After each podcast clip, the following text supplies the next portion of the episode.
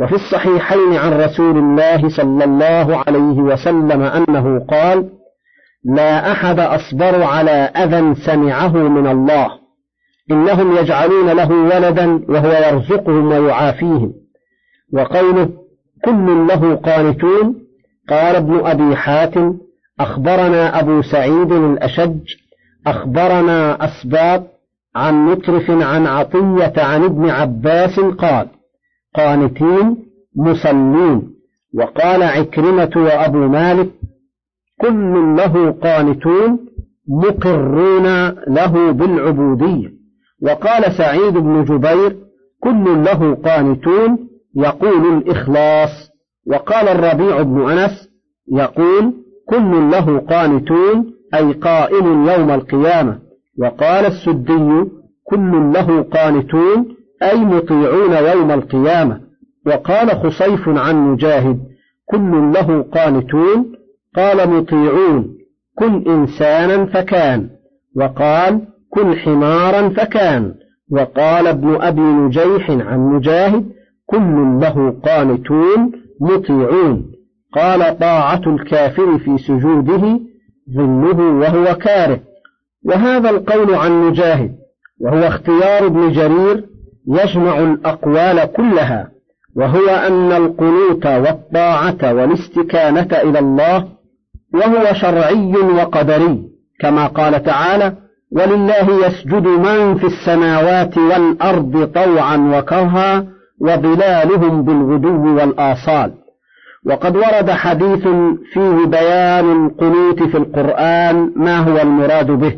كما قال ابن أبي حاتم أخبرنا يوسف بن عبد الأعلى حدثنا ابن وهب أخبرني عمرو بن الحارث أن دراجا أبا السمح حدثه عن أبي الهيثم عن أبي سعيد الخدري عن رسول الله صلى الله عليه وسلم قال كل حرف من القرآن يذكر فيه القنوت فهو الطاعة وكذا رواه الإمام أحمد عن حسن بن موسى عن ابن لهيعة عن دراج بإسناده مثله. ولكن في هذا الإسناد ضعف لا يعتمد عليه. ورفع, ورفع هذا الحديث منكر. وقد يكون من كلام الصحابي أو من دونه والله أعلم. وكثير ما يأتي بهذا الإسناد تفاسير فيها نكارة فلا يغتر بها فإن السند ضعيف والله أعلم.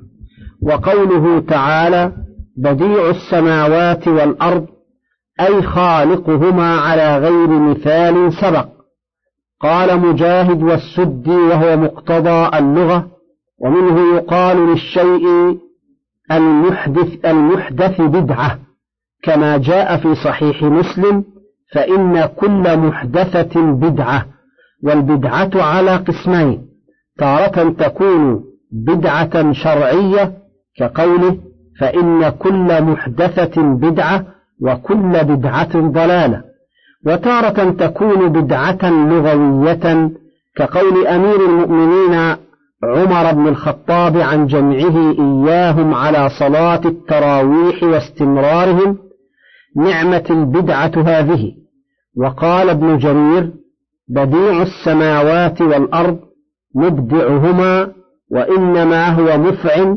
فصرف إلى فعيل كما صرف المؤلم إلى الأليم والمسمع إلى السميع.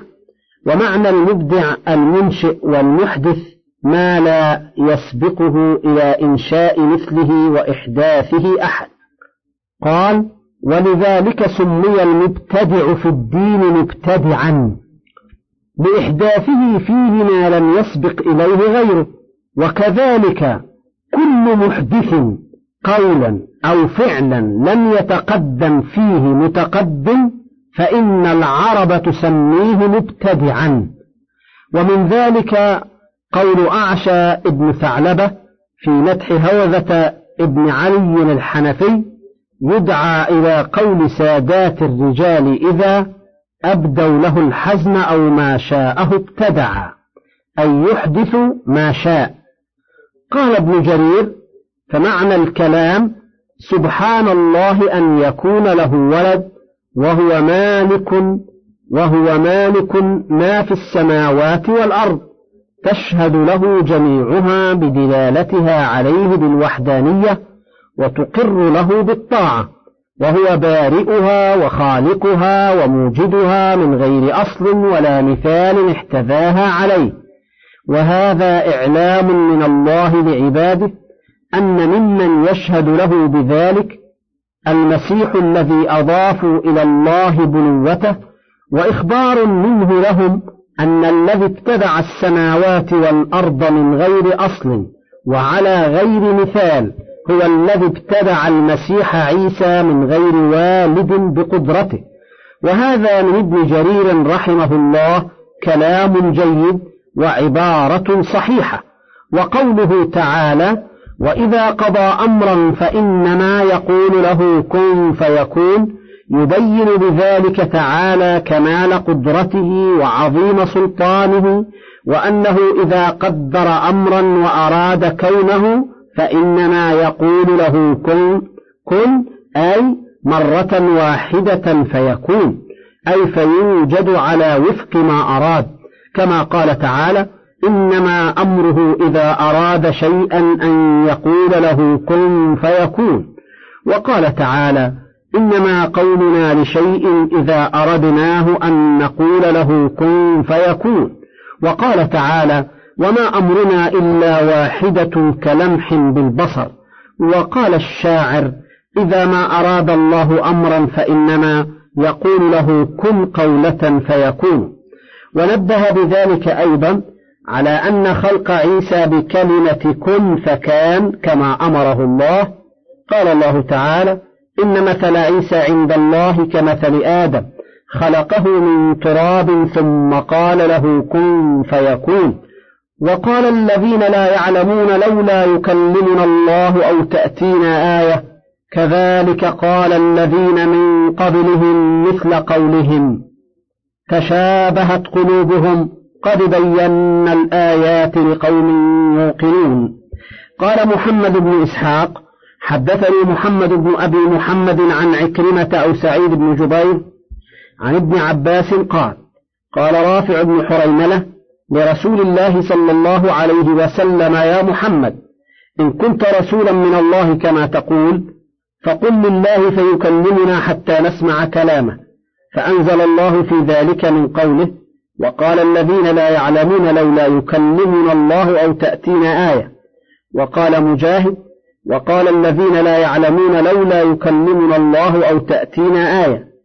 قال النصارى قال النصارى تقوله وهو اختيار ابن جرير. قال لأن السياق فيهم وفي ذلك نظر وحكى القرطبي لولا يكلمنا الله أي يخاطبنا بنبوتك يا محمد. قلت وهو ظاهر السياق والله أعلم. وقال أبو العالية والربيع بن أنس وقتادة والسدي في تفسير هذه الآية هذا قول كفار العرب. كذلك قال الذين من قبلهم مثل قولهم. قال هم اليهود والنصارى. ويؤيد هذا القول وأن القائلين ذلك هم مشرك العرب. قوله تعالى وإذا جاءتهم آية قالوا لن نؤمن حتى نؤتى مثل ما أوتي رسل الله. الآية. وقوله تعالى وقالوا لن نؤمن لك حتى تفجر لنا من الأرض ينبوعا. إلى قوله قل سبحان ربي هل كنت إلا بشرا رسولا. وقوله تعالى وقال الذين لا يرجون لقاءنا لولا أنزل علينا الملائكة أو نرى أو نرى ربنا الآية. وقوله تعالى بل يريد كل امرئ منهم أن يؤتى صحفا منشرة إلى غير ذلك من الآيات الدالة على كفر مشرك العرب وعتوهم وعنادهم وسؤالهم ما لا حاجة لهم به. إنما هو الكفر والمعاندة كما قال من قبلهم من الأمم الخالية من أهل الكتابين وغيرهم كما قال تعالى يسألك أهل الكتاب أن تنزل عليهم كتابا من السماء فقد سألوا موسى أكبر من ذلك فقالوا أرنا الله جهرة. وقال تعالى وإذ قلتم يا موسى لن نؤمن لك حتى نرى الله جهرة. وقوله تعالى تشابهت قلوبهم أي أشبهت قلوب مشركي العرب قلوب من تقدمهم في الكفر والعناد والعتو. كما قال تعالى كذلك ما أتى الذين من قبلهم من رسول إلا قالوا ساحر أو مجنون. أتواصوا به؟ الآية. وقوله تعالى قد بينا الآيات لقوم يوقنون أي قد أوضحنا الدلالات على صدق الرسل بما لا يحتاج معها إلى سؤال آخر. وزيادة أخرى لمن أيقن وصدق واتبع الرسل وفهم ما جاءوا به عن الله تبارك وتعالى. وأما من ختم الله على قلبه وسمعه وجعل على بصره غشاوة فأولئك قال الله فيهم إن الذين حقت عليهم كلمة ربك لا يؤمنون ولو جاءتهم كل آية حتى يروا العذاب الأليم. إنا أرسلناك بالحق بشيرا ونذيرا ولا تسأل عن أصحاب الجحيم. قال ابن أبي حاتم حدثنا أبي أخبرنا عبد الرحمن بن صالح أخبرنا عبد الرحمن بن محمد بن عبد الله الفزاري عن شيبان النحوي أخبرني قتادة عن عكرمة عن ابن عباس عن النبي صلى الله عليه وسلم قال أنزلت علي إنا أرسلناك بالحق بشيرا ونذيرا قال بشيرا بالجنة ونذيرا من النار وقوله ولا تسأل عن أصحاب الجحيم قراءة أكثرهم ولا تسأل بضم التاء على الخبر. وفي قراءة أبي بن كعب وما تسأل. وفي قراءة ابن مسعود ولن تسأل عن أصحاب الجحيم. نقلها ابن جرير. أي لا نسألك عن كفر من كفر بك. كقوله فإنما عليك البلاغ وعلينا الحساب. وكقوله تعالى فذكر إنما أنت مذكر لست عليهم بمسيطر. الآية. وكقوله تعالى نحن أعلم بما يقولون وما أنت عليهم بجبار فذكر بالقرآن من يخاف وعيد. وأشباه ذلك من الآيات.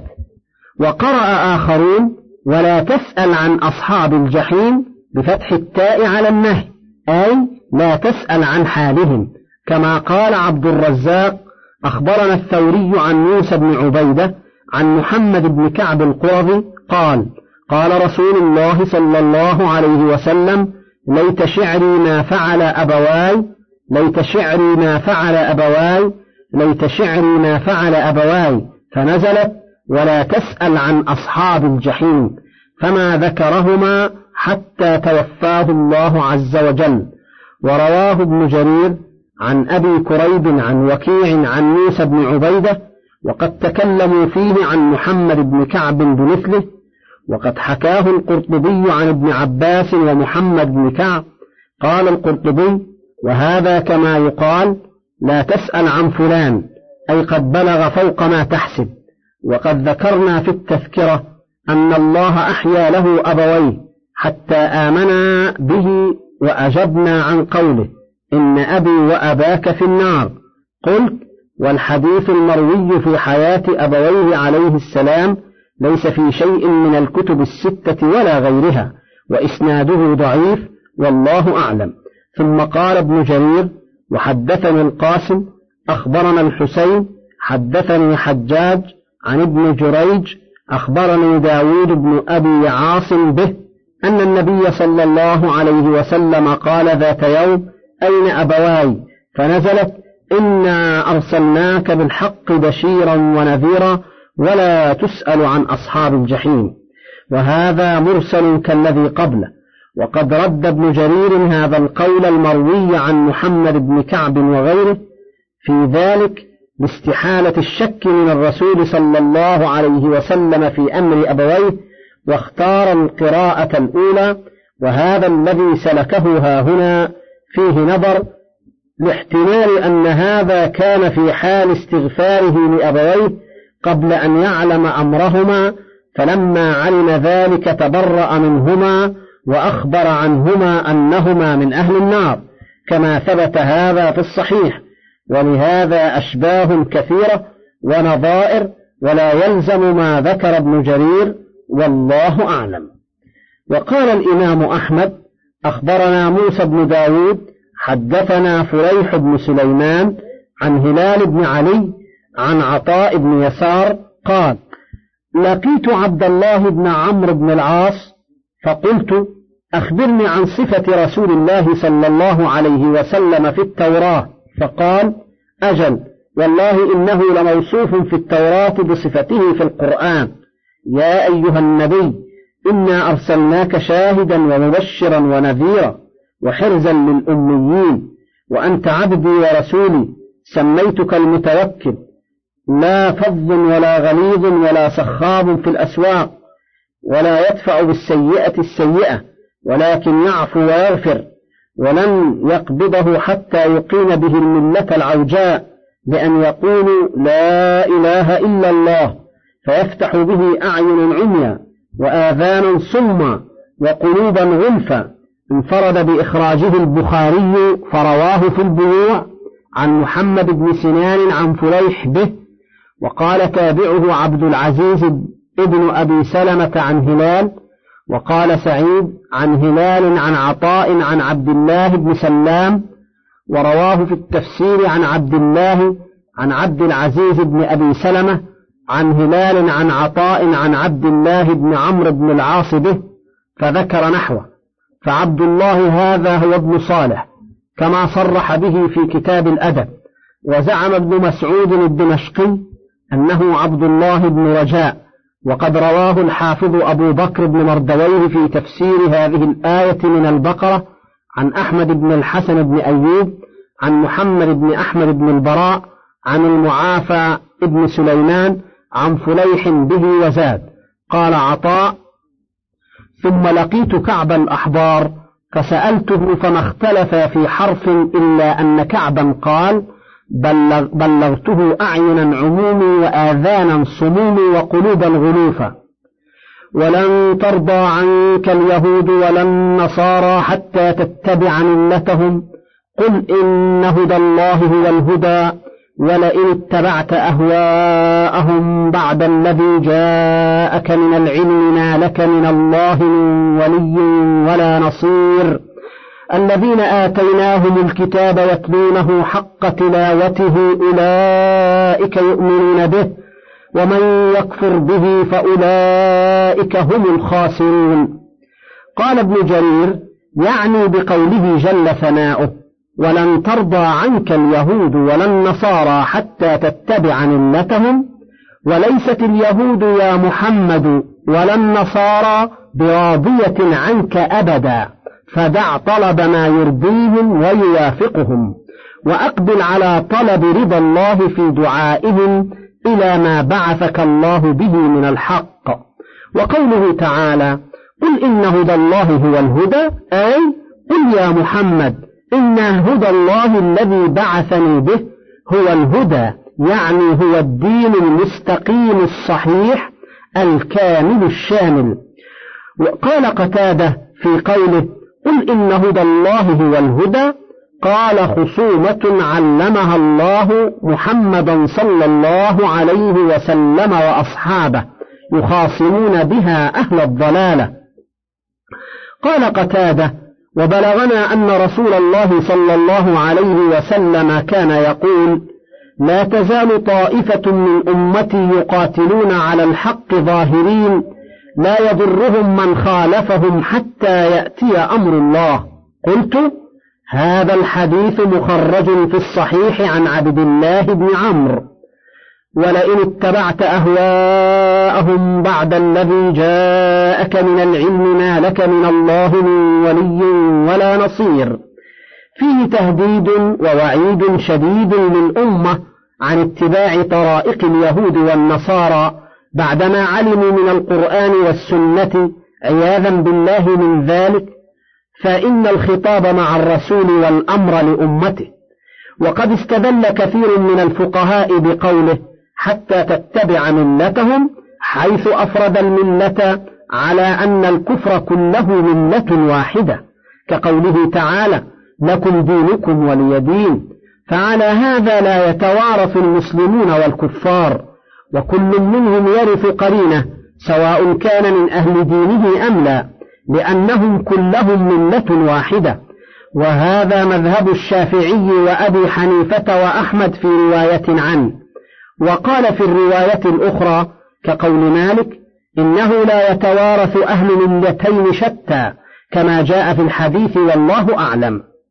وقوله الذين آتيناهم الكتاب يتلونه حق تلاوته قال عبد الرزاق عن معمر عن قتادة هم اليهود والنصارى وهو قول عبد الرحمن بن زيد بن أسلم واختاره ابن جرير وقال سعيد عن قتادة هم أصحاب رسول الله صلى الله عليه وسلم وقال ابن أبي حاتم أخبرنا أبي أخبرنا إبراهيم بن موسى وعبد الله بن وعبد الله بن عمران الأصبهاني قال أخبرنا يحيى بن يمان حدثنا أسامة بن زيد عن أبيه عن عمر بن الخطاب يتلونه حق تلاوته قال إذا مر بذكر الجنة سأل الله الجنة وإذا مر بذكر النار تعوذ بالله من النار.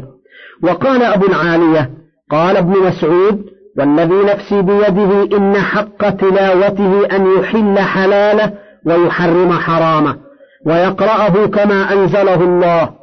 ولا يحرف الكلم عن مواضعه ولا يتأول منه شيئا على غير تأويله.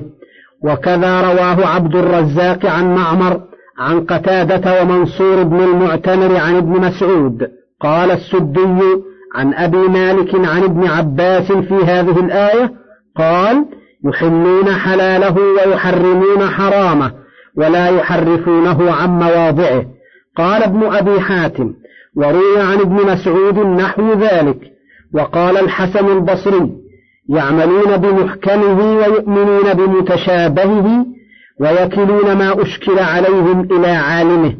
وقال ابن أبي حاتم أخبرنا أبو زرعة أخبرنا إبراهيم بن موسى أخبرنا ابن أبي زائدة أخبرنا داود بن أبي هند عن عكرمة عن ابن عباس في قوله يتلونه حق تلاوته قال يتبعونه حق اتباعه حق اتباعه. ثم قرأ والقمر, إذا تلاها. يقول اتبعها. قال وروي عن عكرمة وعطاء ومجاهد وأبي رزين وإبراهيم النخعي نحو ذلك. وقال سفيان الثوري أخبرنا زبيد عن مرة عن عبد الله بن مسعود في قوله يتلونه حق تلاوته قال يتبعونه حق اتباعه. قال القرطبي وروى نصر بن عيسى عن مالك عن نافع عن ابن عمر عن النبي صلى الله عليه وسلم في قوله يتلونه حق تلاوته قال يتبعونه حق اتباعه. ثم قال في إسناده غير واحد من المجهولين فيما ذكره الخطيب إلا أن معناه صحيح. وقال أبو موسى الأشعري من يتبع القرآن يهبط به على رياض الجنة وعن عمر بن الخطاب هم الذين إذا مروا بآية رحمة سألوها من الله وإذا مروا بآية عذاب استعاذوا منها قال وقد روي هذا المعنى عن النبي صلى الله عليه وسلم أنه كان إذا مر بآية رحمة سأل وإذا مر بآية عذاب تعوذ. وقوله أولئك يؤمنون به خبر عن الذين آتيناهم الكتاب يتلونه حق تلاوته. أي من أقام كتابه من أهل الكتب المنزلة على الأنبياء المتقدمين حق إقامته. آمن بما أرسلتك به يا محمد كما قال تعالى ولو أنهم أقاموا التوراة والإنجيل وما أنزل إليهم من ربهم لأكلوا من فوقهم ومن تحت أرجلهم. الآية. وقال قل يا أهل الكتاب لستم على شيء حتى تقيموا التوراة والإنجيل وما أنزل إليكم من ربكم. أي إذا أقمتموها حق الإقامة وآمنتم بها حق الإيمان وصدقتم ما فيها من الأخبار بمبعث محمد صلى الله عليه وسلم ونعته وصفته والأمر باتباعه ونصره وموازرته قادكم ذلك إلى الحق واتباع الخير في الدنيا والآخرة. كما قال تعالى الذين يتبعون الرسول النبي الأمي الذي يجدونه مكتوبا عندهم في التوراة والإنجيل الآية. وقال تعالى قل آمنوا به أو لا تؤمنوا إن الذين أوتوا العلم من قبله إذا يتلى عليهم يخرون للأذقان سجدا ويقولون سبحان ربنا إن كان وعد ربنا لمفعولا أي إن كان ما وعدنا به من شأن كان ما وعدنا به من شأن محمد صلى الله عليه وسلم لواقعا وقال تعالى الذين آتيناهم الكتاب من قبله هم به يؤمنون. وإذا يتلى عليهم قالوا آمنا به. إنه الحق من ربنا إنا كنا من قبله مسلمين أولئك يؤتون أجرهم مرتين بما صبروا ويبرؤون بالحسنة السيئة ومما رزقناهم ينفقون. وقال تعالى وقل للذين أوتوا الكتاب والأميين أسلمتم فإن أسلموا فقد اهتدوا وإن تولوا فإنما عليك البلاغ والله بصير بالعباد. ولهذا قال تعالى ومن يكفر به فأولئك هم الخاسرون. كما قال تعالى ومن يكفر به من الأحزاب فالنار موعده. وفي الصحيح والذي نفسي بيده لا يسمع بي أحد من هذه الأمة يهودي ولا نصراني ثم لا يؤمن بي إلا دخل النار. يا بني إسرائيل اذكروا نعمتي التي أنعمت عليكم وأني فضلتكم على العالمين واتقوا يوما لا تجزي نفس عن نفس شيئا. ولا يقبل منها عدل ولا تنفعها شفاعة ولا هم ينصرون. قد تقدم نظير هذه الآية في صدر السورة وكررت هنا للتأكيد والحث على اتباع الرسول النبي الأمي الذي يجدون صفته في كتبهم ونعته واسمه وأمره وأمته. فحذرهم من كتمان هذا وكتمان ما أنعم به عليهم وأمرهم أن يذكروا نعمة الله عليهم من النعم الدنيوية والدينية. ولا يحسدوا بني عمهم من العرب على ما رزقهم الله من إرسال الرسول الخاتم منهم. ولا يحملهم ذلك الحسد على مخالفته وتكذيبه والحيد عن, والحيد عن موافقته. صلوات الله وسلامه عليه دائما إلى يوم الدين. من فضلك تابع بقية المادة.